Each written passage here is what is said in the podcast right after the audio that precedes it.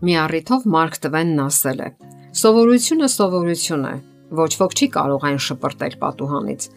այլ կարող է աստիճան առ աստիճան իջեցնել սանդուղքից։ Սիրելի երիտասարդներ, անպայման ողջեք եւ սահմանեք ձեզ համար կարևոր այս հարցը։ Ինչ եք սպասում ամուսնությունից։ Ընկերություն, հովանավոր, թե երջանկություն։ Ինչ ցանկություններ ու երազանքներ ունեք։ Կարող եք դրանք իրականացնել Պարզելուց հետո անցեք հաջորդ քայլին։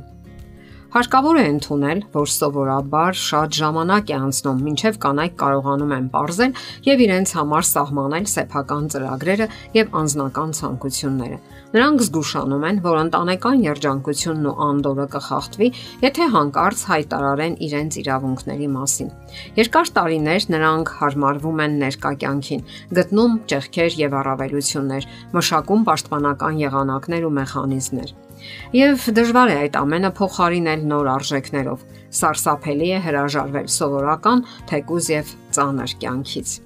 Միկին գրում է. Ամուսինս հաշվի չի առնում իմ կարծիքը, Նա ծրագրեր է կազմում, իսկ ես կատարում եմ։ Ես նման եմ վանդակում փակված թութակի։ Եթե անգամ դուռը բացեն, միևնույնն է, ես չեմ կարող ապրել։ Այսպիսով, քանի դեռ կինը չի հասկանում, որ իրեն վերահսկում են, իրեն ցածրացնում են եւ նվաստացնում, նա չի որոնի եւ չի գտնի ելքը։ Հասկանալի է, որ անգամ ընդունելուց եւ գիտակցելուց իր հանդեպ հարգանքը վերականգնելուց հետո կնոջ համար դժվար է շեղվել հաստատված ուղուց։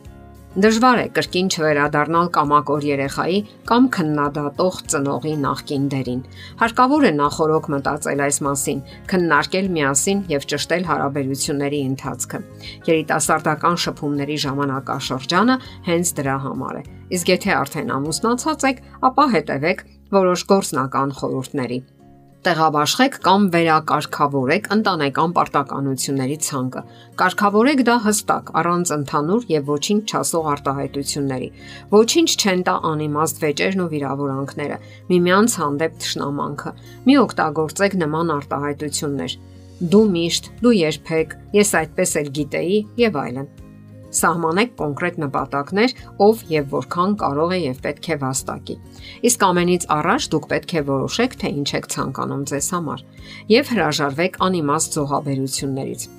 Մեր հաղորդումներից մեկի ժամանակ նշեցինք, որ ինքնախապեյություն է, երբ մտածում եք, որ ձեր զոհաբերությունները ինչ որ մեկին երջանկություն կպարգևեն։ Օթային թռիչքների ժամանակ այսպիսի կանոն կա։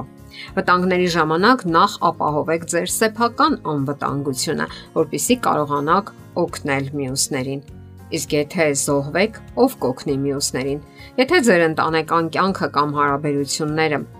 մտել են անոտ տարածություն կամ այսպես ասած турբուլենտ գոտի, ապա փորձեք կիրառել այդ կանոնը։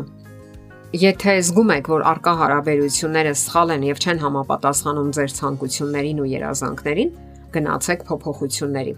Այդ միայն սկզբում է դժվար թվում։ Երբ կողմերից մեկը սկսում է փոփոխություններ անել իր վարքագծի մեջ, մյուսի վարքագիծը նույնպես կարող է նորովի փոխվել եւ դառնալ ընդունելի։ Նման դեպքերում հնարավոր է տղամարդը փորձի ավելի ուժեղացնել ճնշումը, փորձելով վերականգնել փոխհարաբերությունների հին սովորական այն եղանակը, որը շատ ձեռնտու է իրեն։ Կարևոր է, որ դուք հետևողական եւ սկզբունքային լինեք ձեր նոր վարվելակերպի մեջ։ Եթե դիմացինը համառում է եւ գնում միայն իրեն հարմար ուղիով, ուրեմն այնքան էլ սարսափելի չի լինի ավարտել այդ հարաբերությունները, որովհետեւ վաղ թե ուշ ստիպված եք անելու դա եւ ուրեմն ավելի լավ է անել դա իր ժամանակին։ Այդ դեպքում ձեր ընկերը կամ ամուսինը ստիպված կլինի ընտելանալ հակազդեցությունների ձեր նոր մոդելին։ Եվ որpիսի ձեր նոր վարքագիծը վերածվի հաստատված սովորության, անհրաժեշտ է հետևողականորեն կիրառել այն մոտավորապես 1 կամ 2 ամիս։ Բնականաբար դուք չեք կարող հույս ունենալ, որ մի երկու անգամ այլ ձևով վարվելուց հետո փոփոխություններ կառաջանան ձեր կամ ձեր կողակցի մոտ։ Արդեն իսկ այն փաստը, որ դուք անում եք մի բան, որը հատուկ չէ ձեզ, կարող է դրական կառուցողական ազդեցություն գործել թե անձամբ ձեր եւ թե ձեր հարաբերությունների վրա։ Սակայն անկասկած է, որ դա տեղի կունենա։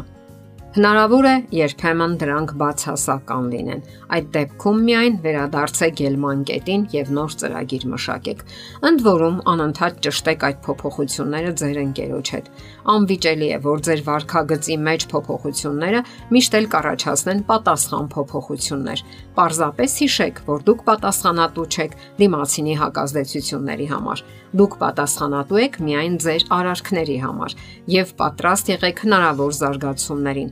որոնք հնարավոր է եւ ձեր սրտով չլինեն։ Երբեք մի անտեսեք, որ հենց դուք կարող եք լինել անկատար հարաբերությունների մեղավորը։ Ճշտեք ձեր վերաբերմունքը, վարվելակերպը դիմացինի հանդեպ, ձեր բնավորությունը ընդհանրապես։ Եթե զգաք, որ ինչ որ բան այնպես չէ, վերանայեք առանց ձեզված զգալու։ Չէ որ դուք կատարյալ անznավորություն չեք եւ ոչ էլ հրեշտակ։ Մտածեք երկար եւ խոր, նախքան կկայացնեք կարևոր որոշումը։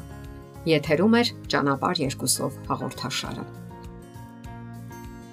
Հարցերի եւ առաջարկությունների համար զանգահարել 033 87 87 87 հեռախոսահամարով։